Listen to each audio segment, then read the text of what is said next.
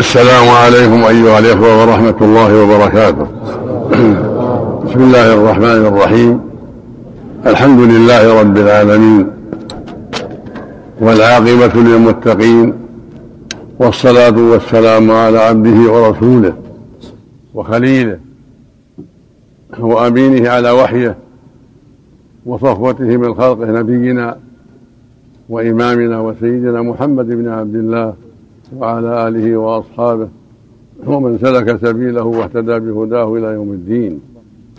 أما بعد فإني أشكر الله عز وجل على ما من به من هذا اللقاء في بيت من بيوت الله.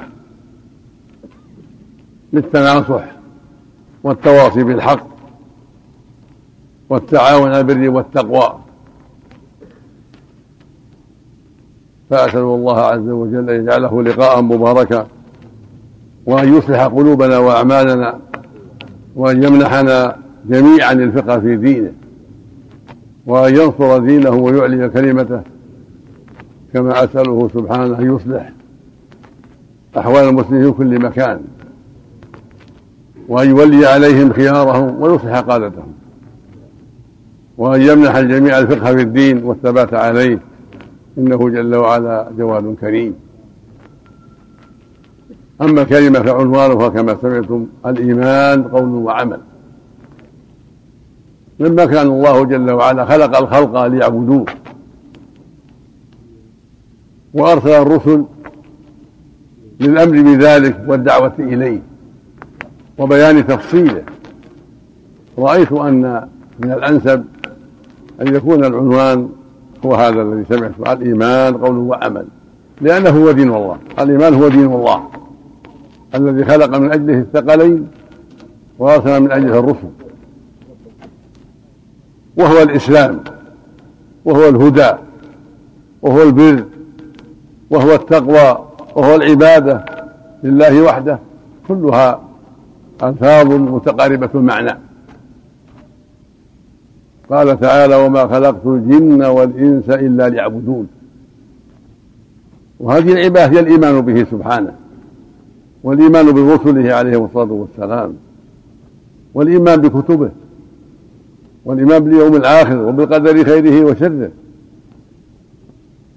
وما يلتزم ذلك وما يقتضيه ذلك من الأعمال والأقوال التي شرعها والكف عما حرم سبحانه وتعالى. وقال تعالى يا أيها الناس اعبدوا ربكم. فالعبادة التي خلقوا لها قد أمروا بها. يا أيها الناس اعبدوا ربكم واعبدوا الله ولا تشركوا به شيئا. وما أمروا إلا ليعبدوا الله مخلصين له الدين حنفاء. فاعبد الله مخلصا له الدين. وهي الإسلام. قال تعالى إن الدين عند الله الإسلام.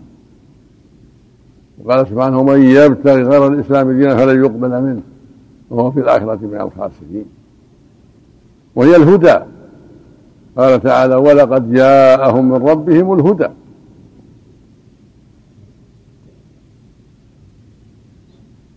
فالهدى هو دين الله والإسلام وهو الإيمان وهو التقوى. وقال تعالى إن المتقين في جنات وعيون.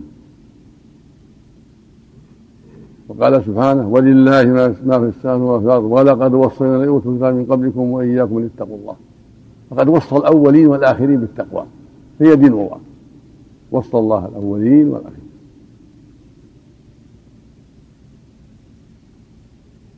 وهو البر أيضا. قال تعالى ولكن البر من اتقى. ولكن البر من آمن بالله واليوم الآخر. الآية إن الأبرار لفي نعيم. وبهذا نعلم أن ديننا الذي هو الإسلام وعبادة الله وحده. التي خلقنا لها. في قوله سبحانه وما خلقت الجن والإنس إلا ليعبدون. المعنى ليطيعوني ويوحدوني بالعبادة التي خلقوا لها. يعني يوحدوه سبحانه ويطيعوه بالأوامر التي أمرهم بها فيفعلها لوجهه الكريم. ويتقرب بها إليه من صلاة وصوم وصدقة وحج وغير ذلك. ويدع ما نهاهم عنه. طاعة له سبحانه وتقربا إليه وطلبا لمرضاته هذا هو العبادة وهذا هو الدين وهذا هو الإيمان. ولهذا قال سبحانه يا أيها الناس اعبدوا ربكم. يعني أطيعوه وعظموه وأخلصوا له العبادة دون كل ما سواه. وسمت عبادة سميت طاعة الله عبادة لأنها تؤدى بالذل والخضوع لله. فالعبد هو العبد هو الذليل لله المنقاد لأمره. والعباد كلهم أذلة لله هو يتصرف بهم كيف يشاء سبحانه وتعالى. هو المالك لهم هو الخالق لهم وهم عبيده. يتصرف بهم كيف يشاء سبحانه وتعالى. ولهذا سمى الله طاعته عبادة لأنها تؤدى بالخضوع والذل لله والرغبة فيما عنده والرهبة مما عنده سبحانه وتعالى. وهكذا الرسل بعثوا بذلك. قال سبحانه ولقد بعثنا في كل أمة رسولا أن اعبدوا الله واجتنبوا الطاغوت. يعني وحدوه وأطيعوه وعظموه. قال تعالى وما أرسلنا من قبلك من رسول إلا نوحي إليه أنه لا إله إلا أنا فاعبدون. يعني اعبدوني بطاعتي واتباع شرعي وتعظيم أمري ونهي وترك معصيتي. هذه هي عبادة. وهذه هي التقوى. وهي الإيمان أيضا. وهي الإسلام. وهي الهدى. وهي البر كلمات جاءت في كتاب الله وفي سنة الرسول صلى الله عليه وسلم معناها طاعة الأوامر وترك النواهي. عن إخلاص لله وعن محبة وتعظيم وإيمان وصدق.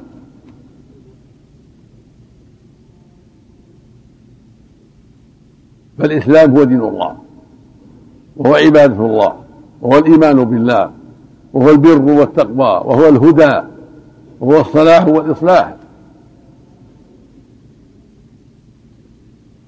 ولهذا أجمع أهل السنة والجماعة من أصحاب النبي صلى الله عليه وسلم ومن تبعهم بإحسان إلى على أن الإيمان قول وعمل. لأنه دين الله. فهو قول وعمل.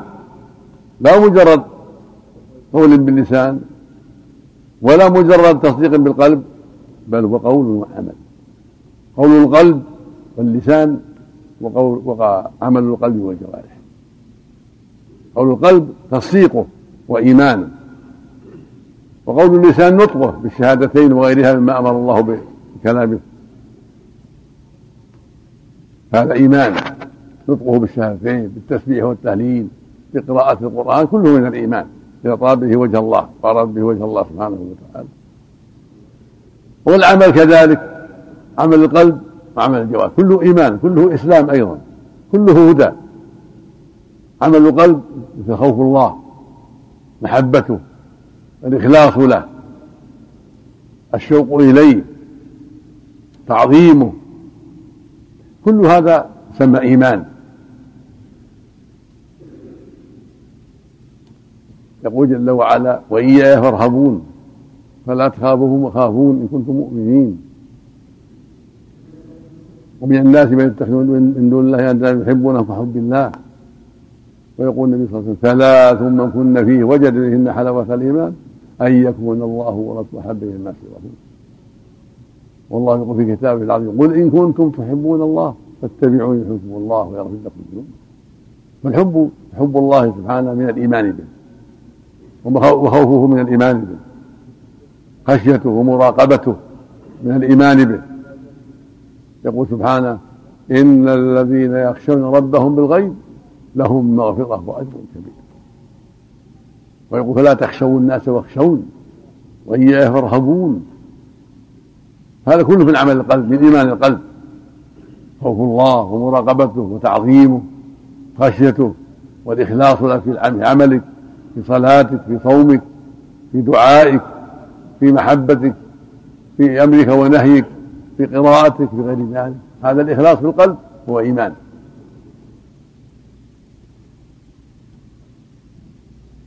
الحب في الله والبغض في الله من الإيمان من إيمان القلب. وهكذا الجوارح أيضا. يكون الإيمان بالجوارح أيضا. صلاة إيمان. وهي عمل. ركوع وسجود وقيام وقعود وقراءة. كله عمل. هي إيمان من جهة العمل وإيمان من جهة ما في قلبك من الإيمان بها وأعتقاد أنها حق وأنها فريضة. وأنها قربة وطاعة فهي, فهي إيمان من جهة القلب وهي إيمان من جهة العمل. وهكذا زكاته إيمان. إيمانك بأنها حق وأنها فرض عليك وأنها من أركان الإسلام هذا إيمان القلب. وأداؤك إياها وصرفها في مستحقيها هذا من إيمان العمل. فلا بد من ذا وذا لا بد من إيمان القلب وإيمان العمل. وهكذا الصوم صوم رمضان. إيمانك بأن رمضان حق وأنه واجب وفريضة وركن من أركان الإسلام هذا إيمان. وقيامك بذلك يعني إمساكك عن الطعام والشراب والجماع والمفطرات إمساكك عن ذلك في رمضان وفي غيره قربة إلى الله وطاعة له هذا عمل. وهكذا الحج. إيمانك بأنه فرض مع الاستطاعة وأنه عبادة وقربة هذا إيمان. وقيامك به. وأداؤك إياه بالوقوف بعرفات بالطواف بالسعي بقية الأعمال. هذا يسمى إيمان العملي. إيمان عملي. ولا بد من ذا يقول جل وعلا إن الذين آمنوا وعملوا الصالحات لهم جنات النعيم. ويقول جل وعلا من عمل صالحا من ذكر أو أنثى وهو مؤمن فلنحيينه حياة طيبة ولنجزينهم أجرهم بأحسن ما كانوا يعملون. فلا بد من القول والعمل. فلو أن إنسانا قال أنا أؤمن بأن الله ربي وأنه مستحق العبادة ولكن لا أعبده ما صار مؤمن. ولو قال أنا أؤمن بأن الصلاة حق ولكن لا أصلي ما صار مؤمن الإيمان الصحيح. ولو قال أؤمن بأن الصيام حق ولكن أفطر في رمضان يكون نقص الإيمان ضعيف الإيمان. وهكذا لو آمن بالزكاة أن حق وفرض ولكن لا يزكي. صار نقص الإيمان ضعيف الإيمان. وهكذا الإيمان بأن الله حرم الزنا حرم السرقة حرم العقوق للوالدين حرم قطاعة الرحم حرم الربا كل هذا إيمان. إيمان في هذا كله إيمان. لكن إذا تركته حققت الإيمان. وصار إيمانك عمليا بترك هذه المعاصي. فإذا فعلت شيئا منها صار نقصا في إيمانك ونقصا في دينك وإسلامك. لأنك لم تحقق هذا الإيمان بالعمل ولم تحقق خضوعك لله وإسلامك له بالعمل. فيكون نقصا في في, في إيمانك. ولهذا يقول أهل السنة والجماعة الإيمان قول وعمل. يزيد وينقص. يزيد بالطاعات وينقص بالمعاصي. خلافا لأهل البدع الذين خالفوا الشرع. فقالوا فقال بعضهم الإيمان قول فقط قال بعضهم الإيمان تصديق فقط قال بعضهم تصديق فقط مع القول كل هذا غلط. وهكذا من قال لا يزيد ولا ينقص غلط بل هو يزيد وينقص لأهل الخوارج والمعتزلة الذين أنكروا ذلك. فأهل السنة والجماعة أهل الحق أصحاب الرسول صلى الله عليه وسلم وأتباعهم بإحسان هم القائلون الإيمان قول وعمل يزيد بالطاعات وينقص بالمعاصي فإذا اجتهدت في طاعة الله وأداء حقه وترك معاصيه صار إيمانك كاملا. وكل ما زادت الطاعات زاد الإيمان. بصلواتك تنفل بصيام النافلة بكثرة الذكر بالصدقات التطوع بغير هذا من طاعة الله يزداد الإيمان ويقوى. بالغفلة والإعراض وقلة الذكر ينقص الإيمان. بالمعاصي ينقص الإيمان. إذا زنى نقص إيمانه ولو كان يعلم أن الزنا حرام يعلم أن الزنا حرام لكنه فعله صار نقصا في إيمانه وضعفا في إيمانه وسببا لغضب الله عليه. وربما جره ذلك إلى الردة عن الإسلام نعوذ بالله من ذلك. فإن المعاصي بريد الكفر مثل ما أن المرض نذير الموت بريد الموت. وهكذا إذا عق والديه نقص إيمانه أو عق أحدهم صار إيمان فيه ضعف ونقص وهو على خطر من غضب الله عليه ومن زوال هذا الإيمان. هكذا إذا تعامل بالربا صار نقصا في الإيمان وضعفا في الإيمان ويخشى عليه من الردة لأن المعاصي تجر إلى الكفر لا حول ولا قوة إلا بالله. هكذا إذا أكل مال اليتيم يغتاب الناس ينم عليهم يسبهم كل هذا نقص في الإيمان وضعفا في الإيمان. هكذا إذا ظلم زوجته ولم يقم بحقها هذا نقص في الإيمان. ظلم أولاده ولم يقم بحقهم نقص في الإيمان. آذى جيرانه نقص في الإيمان وضعف في الإيمان. وإذا استقام على طاعة الله وأدى حق أهل بيته زوجته وأولاده وأدى حق الجيران صار زيادة في إيمانه وقوة في إيمانه. وإذا ابتعد عن محارم الله كلها وجاهد نفسه في ذلك صار هذا قوة في الإيمان وطاعة لله عز وجل ومن أسباب توفيق الله له لما هو أكمل وأعظم ولحسن الختام. فالواجب على كل مؤمن وعلى كل مؤمنة العناية بإيمانه وتقواه لربه والله يقول جل وعلا في كتابه العظيم يا أيها الذين آمنوا آمنوا بالله ورسوله والكتاب الذي نزل على رسوله والكتاب الذي أنزل من قبل. ويقول جل وعلا فآمنوا بالله ورسوله والنور الذي أنزلنا. هذا الإيمان معناها آمنوا بإيمان عمليا. ليس مجرد التصديق.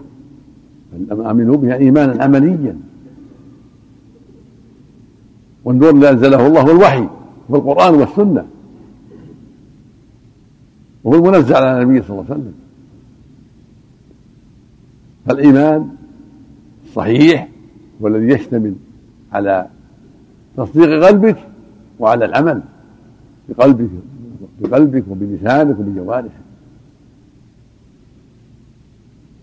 فلو أن إنسانا قال أنا أؤمن بالله أنه موجود وأنه حق ولكن لا أعبده ولا أصلي له ولا أصوم له ولا أخصه بالعبادة ما صار مسلما ولا نفعه قوله. أنا مؤمن. وهكذا لو قال أنا مؤمن بالله أنا مسلم مؤمن أؤمن بالله. وأنا أعتقد أني مسلم أنا أسلمت وجهي لله. ما أعبد إلا إياه أعبد وحده.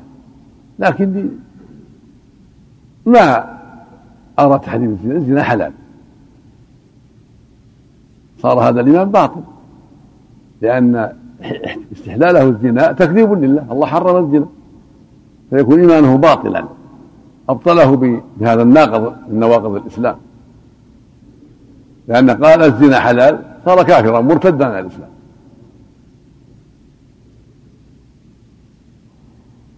أو أو قال الخمر حلال.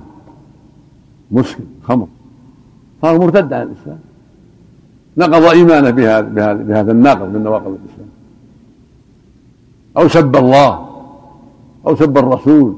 عليه الصلاة والسلام أو سب الرسل أو واحدا منهم أو قال ما بلغوا الرسالة أو عابهم بعيب آخر أنهم متساهلون أو أنهم ما أدوا ما يجب عليهم من البلاغ إلى غير ذلك. صار مرتدا عن الإسلام. فالمخالفة لهذا الإيمان قسمان. قسم يبطل هذا الإيمان بالكلية ويزول هذا الإيمان بالكلية معه. وهذا هو النواقض. هذه هي النواقض نواقض الإسلام. التي توجب الردة والخروج عن الإسلام. هذه يقال لها نواقض الإسلام. فهذه إذا وجد واحد منها بطل الإيمان بطل الإسلام زالت التقوى زال الهدى زالت عبادة الله بطل كل شيء. ولم ينفعه قوله أنا مسلم أو أنا مؤمن. إذا وجد الناقض من نواقض الإسلام فلا بد في قول المسلم أنا مؤمن وأنا مسلم لا بد أن يلتزم بدين الله لا بد من الالتزام بدين الله حتى يصدق قوله وعمله وعمله قوله. ولهذا جمع العلماء في كتبهم نواقض الإسلام. في باب سموه باب حكم المرتد قالوا وهو الذي يكفر بعد إسلام وذكروا فيه النواقض التي تنقض الإسلام وتبطل الإيمان. مثل سب الله مثل سب الرسول مثل عبادة الأصنام عبادة أهل القبور دعاها والاستغاثة بها والنذر لها والطواف بها تقربا إليها. هذا كله من الردة عن الإسلام من نواقض الإسلام. مثل عدم تحكيم الشريعة. يقول الشريعة ما مضى أمرها. ما عاد تصلح للزمان هذا. يحكم القوانين. قوانين أصلح منها. أو أحسن أو تكفي عنها. هذه ردة عن الإسلام. لأن كفر بقوله وأن يحكم بما أنزل الله. وأن يحكم لهم ما أنزل الله. فيكون كافرا بذلك.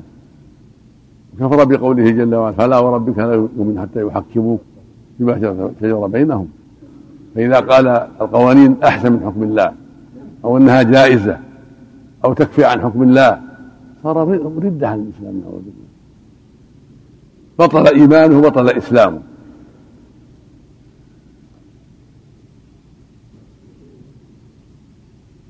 أو قال الرسول عليه الصلاة والسلام لم يؤدي ما أوجب الله عليه من الرسالة ما بلغ كما ينبغي. أو هو ضعيف الإيمان أو ما أشبه ذلك من النواقص أو بخيل أو ما أشبه مما يتنقصه به أو غيره من الرسل صار كافرا سابا للرسول صلى الله عليه وسلم. هذه أمور يجب الحذر منها والتنبه لها. وهكذا مثل ما تقدم إذا استحل الزنا أو الخمر أو العقول للوالدين قال إنه حلال لا بأس. صار ردة عن الإسلام من نواقض الإسلام. أو قال الربا حلال. الربا لا بأس به. ردة عن الإسلام ناقض من نواقض الإيمان.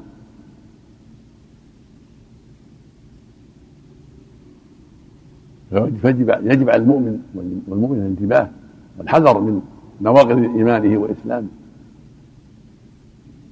أما المعاصي تضعف الإيمان. المعاصي تضعفه. لا تزيله لكن تضعفه. ومما يزيل الإيمان ترك الصلاة. من تركها زال إيمانه ولو آمن بها ولو قال إنها حق وإنها فريضة لكن متى تركها ولم يبالي بها صار مرتدا في أصح قول العلماء.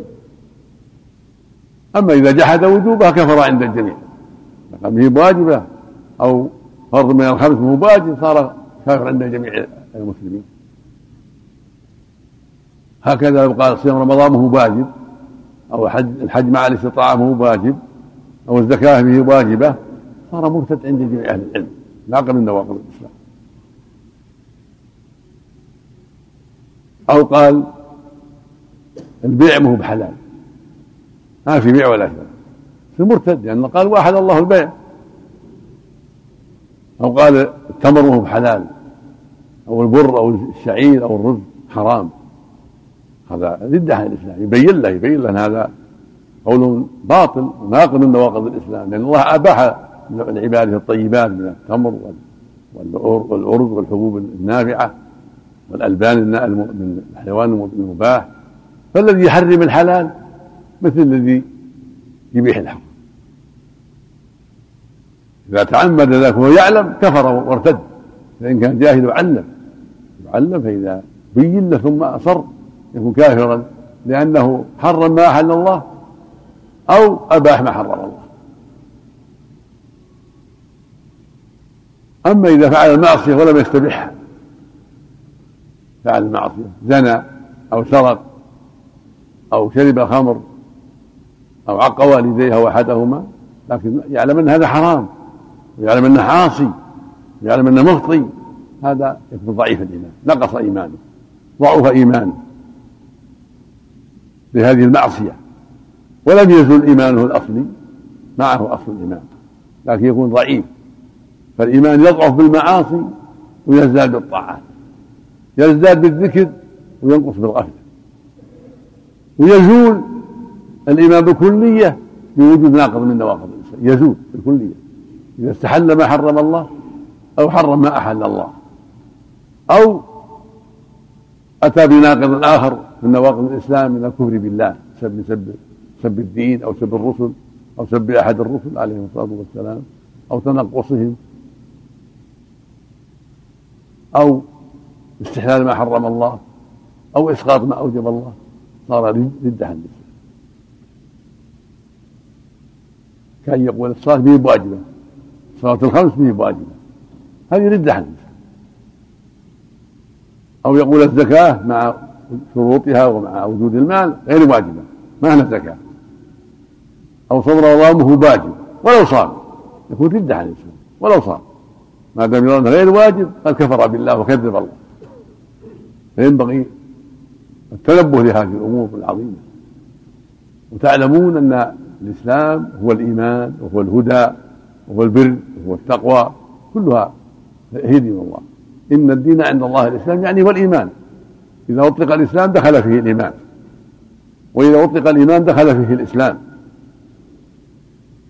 قوله صلى الله عليه وسلم الإيمان بضع وسبعون شعبة. يعني والإسلام داخل فيه الإسلام. الإيمان بضع وسبعون شعبة. فأفضلها قول لا إله إلا الله. وأدناها إماطة الأذى عن الطريق. والحياء شعبة من الإيمان. هذا معناه الإيمان يعني الإيمان والإسلام. يعني دين الله. دين الله وسبعون الذي هو الإسلام وهو الإيمان وهو الهدى وهو البر وهو التقوى. كلها كلمات معناها متقارب. معناها طاعة الله ورسوله.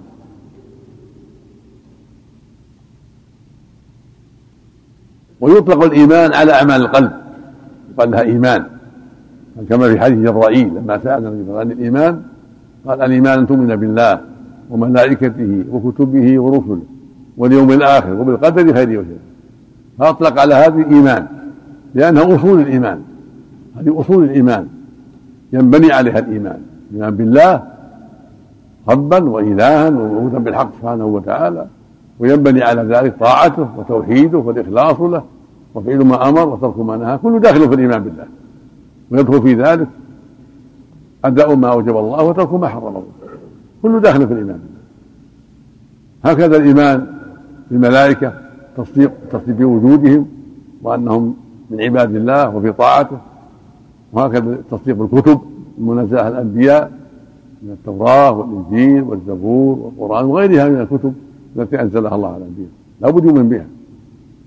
وهكذا يؤمن بالرسل جميعا من آدم ونوح ومن بعده. يؤمن بهم. وأن الله أرسله لدعوة الناس إلى توحيد الله وطاعته. وآخرهم محمد صلى الله عليه وسلم وخاتمهم. نبينا محمد وخاتمهم. وآخرهم وهو أفضلهم. كما قال الله سبحانه ما كان محمد أبا أحد من الرجال ولكن رسول الله وخاتم النبيين.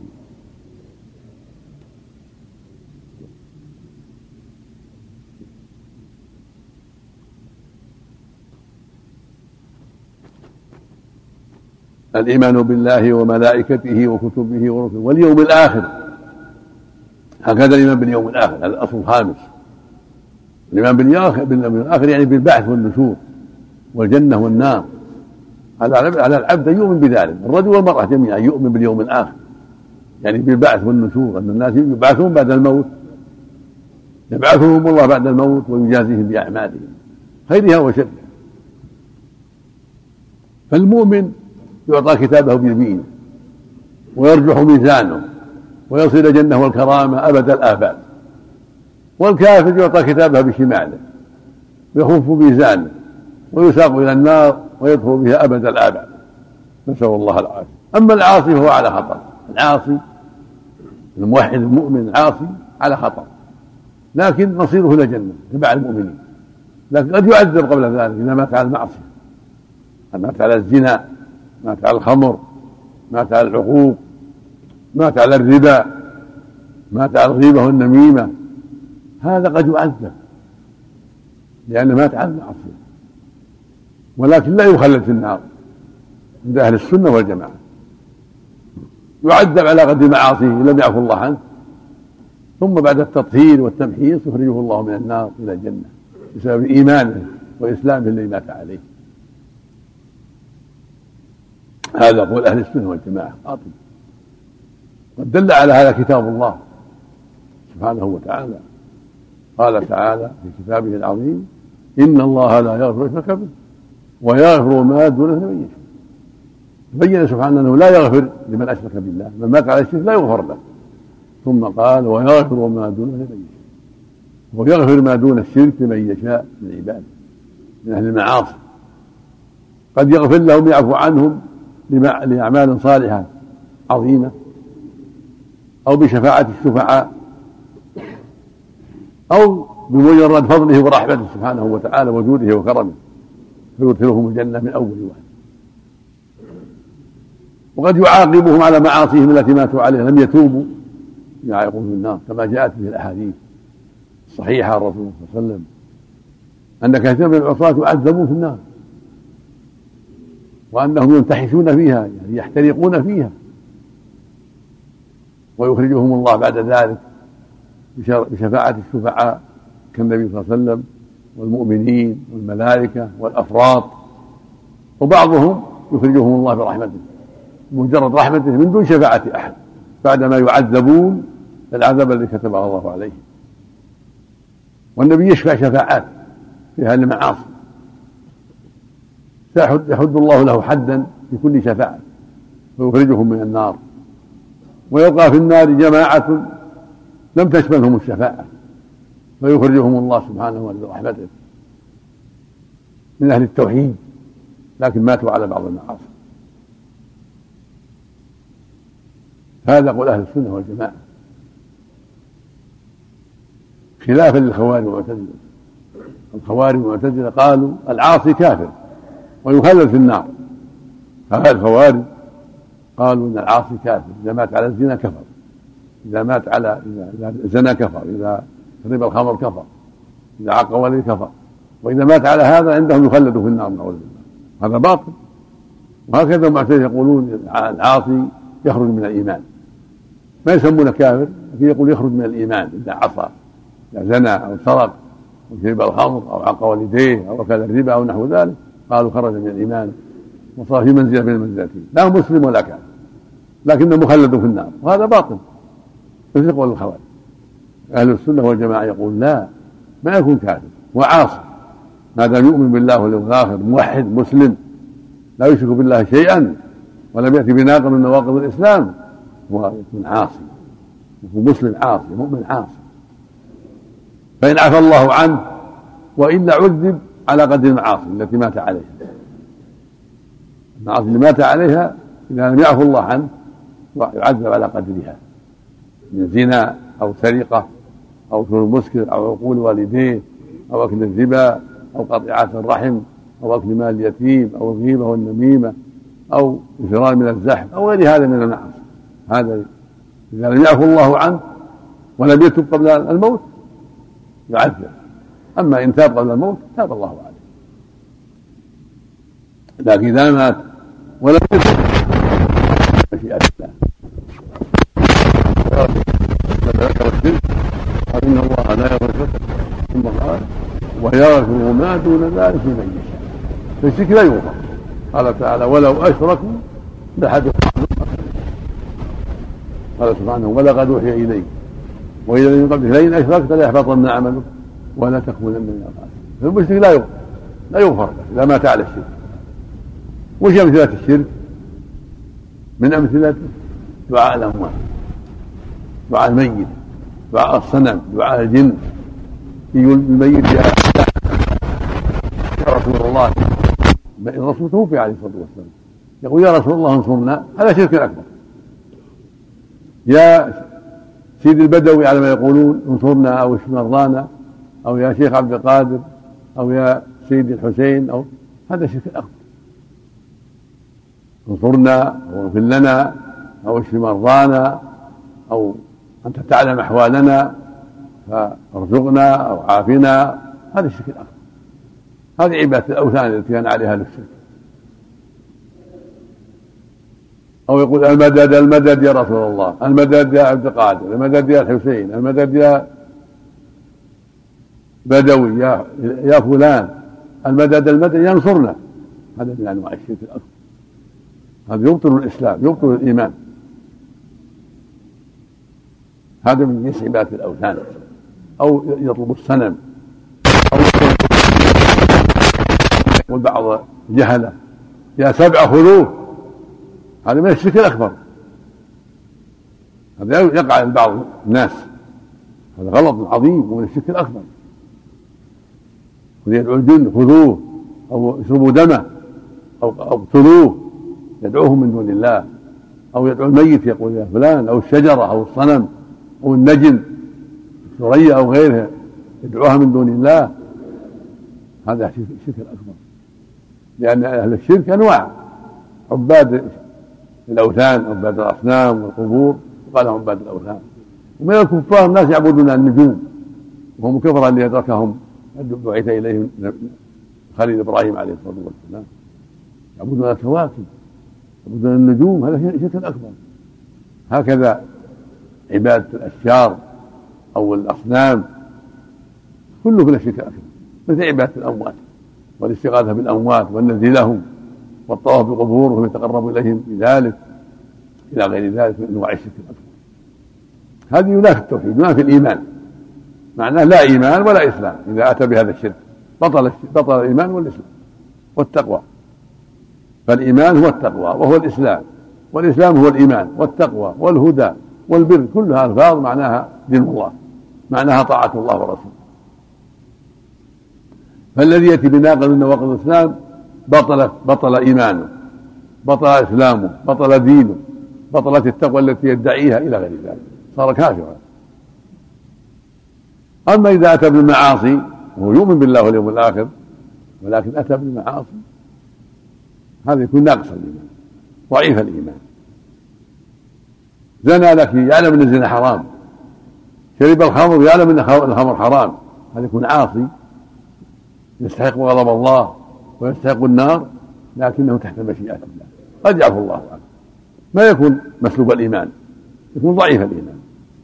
هكذا إذا تعامل معاملة ربوية ويعلم أن الربا حرام ولكن تعامل مع معاملة ربوية لأجل هواه شيطانه هذا يكون نقصا في إيمان ضعفا في إيمانه يغتاب إخوانه المسلمين ينم عليهم يسبهم ضعفا في إيمانه ما يكون كافر لم يستحل ذلك. السادس الإيمان بالقدر. يؤمن بأن الله قدر الأشياء وعلمها وحاط بها. لا بد من هذا. تعلم أن الله قدر كل شيء. علم الآجال والأرزاق وأعمال الناس يعلمها كلها. لا يخفى عليه هذا سبحانه وتعالى. قد علم كل شيء وكتب كل شيء. وهو له المشيئة النافذة سبحانه وتعالى. وهو خالق كل شيء. فلا بد من الإيمان بالقدر. تؤمن بأن الله علم الأشياء كلها وكتبها عنده سبحانه وتعالى. وأن ما شاء كان وما لم يشاء يكون وأنه الخلاق العليم خالق الأشياء. هذا هو الإيمان بالقدر. يشمل أربعة. الإيمان بالقدر يشمل أربعة. الأمر الأول أن تعلم أن الله جل وعلا يعلم كل شيء. تؤمن بهذا. الله يعلم الأشياء كلها. إن الله بكل شيء عليم. الأمر الثاني أنه كتب ذلك. كتب أرزاقنا وآجالنا وأعمالنا كل شيء. الأمر الثالث أن تعلم أنه ما شاء كان وما لم يشاء سبحانه وتعالى. له المشيئة النافذة. الرابع أن تعلم أنه هو الخلاق. خلق الأشياء كلها. وخالق كل شيء سبحانه وتعالى. هذا هو الإيمان بالقدر. هذه الأصول الستة هي أصول الإيمان. أن تؤمن بالله وملائكته وكتبه ورسله واليوم الآخر وبالقدر خير هذه أصول الإيمان القلبي. ويتفرع عنها الإيمان العملي. من الصلاة والصوم والزكاة والحج والأمر بالمعروف والنهي عن المنكر طاعة الله ورسوله كل شيء. ترك المعاصي كل هذا إيمان ناشئ عن الإيمان القلبي عما في القلب. فالأقوال التي شرعها الله والأعمال التي شرعها الله كلها إيمان. كلها من فروع الإيمان في القلب. فالإيمان القلبي تصديقه وعمله وينتج عن ذلك الإيمان العملي والإيمان القولي من التسبيح والتهليل ولا إله إلا الله دعوة إلى الله أمر بالمعروف نهي المنكر باللسان كل هذا إيمان قولي. الصلاة والزكاة والصيام والحج ونحو ذلك إيمان عملي. خوف الله ومحبته والشوق إليه وتعظيمه والموالاة فيه والمحبة كل هذا من الإيمان العملي في القلب. وبهذا نعلم معنى الإيمان قول يزيد بالطاعة وينقص بالمعصية يزول بالنواقض يزول الإسلام والإيمان بناقض من نواقض الإسلام ويضعف بالمعصية. يكون إيمانا ضعيف. يكون دينه وإيمانه ضعيف بره ضعيف تقواه ضعيفة إذا جاءت المعاصي. إذا وجدت المعاصي. وإذا أعانه الله واستقام على دين الله وترك المعاصي وأدى الواجبات صار إيمانه كاملا وإسلامه كاملا وتقواه كاملة ومحبته في الله كاملة وصار من أهل الهدى الكامل ومن أهل البر الكامل. الذين قال فيهم سبحانه إن الأبرار لفي نعيم. وقال فيهم سبحانه ولكن البر من آمن بالله واليوم الآخر والملائكة والكتاب والنبيين وآتى مال حب ذوي القربى واليتامى والمساكين وابن السبيل والسائلين وفي الرقاب وأقام الصلاة وآتى الزكاة والموفون بعهدهم إذا عاهدوا والصابر البأساء والضراء وحين البأس. قال بعده أولئك الذين صدقوا وأولئك المتقون. يعني أهل هذه الأعمال وأهل هذا الإيمان هم الصادقون هم المتقون هم الأبرار هم المؤمنون هم المسلمون حقا. وبهذا يعرف المؤمن ويعرف تعرف المؤمنة معنى هذه الأمور معنى الإيمان والتقوى. معنى البر معنى عبادة الله معنى الإسلام أنها كلها طاعة الله ورسوله. كل هذه الأشياء معناها طاعة الله ورسوله. عن إيمان وتصديق بالقلب وعن إخلاص لله ومحبة ورغبة ورهبة. كلها تسمى إيمان تسمى إسلام تسمى بر تسمى تقوى تسمى هدى. هكذا بينها الله في كتابه وبينها رسوله عليه الصلاة والسلام. أسأل الله بأسماء الحسنى أن يوفقنا وإياكم من العلم النافع والعمل الصالح. وأن يرزقنا وإياكم البصيرة والاستقامة على الحق والسلامة من أسباب غضبه. إنه جل وعلا جواد كريم وصلى الله وسلم على نبينا محمد وعلى آله وأصحابه.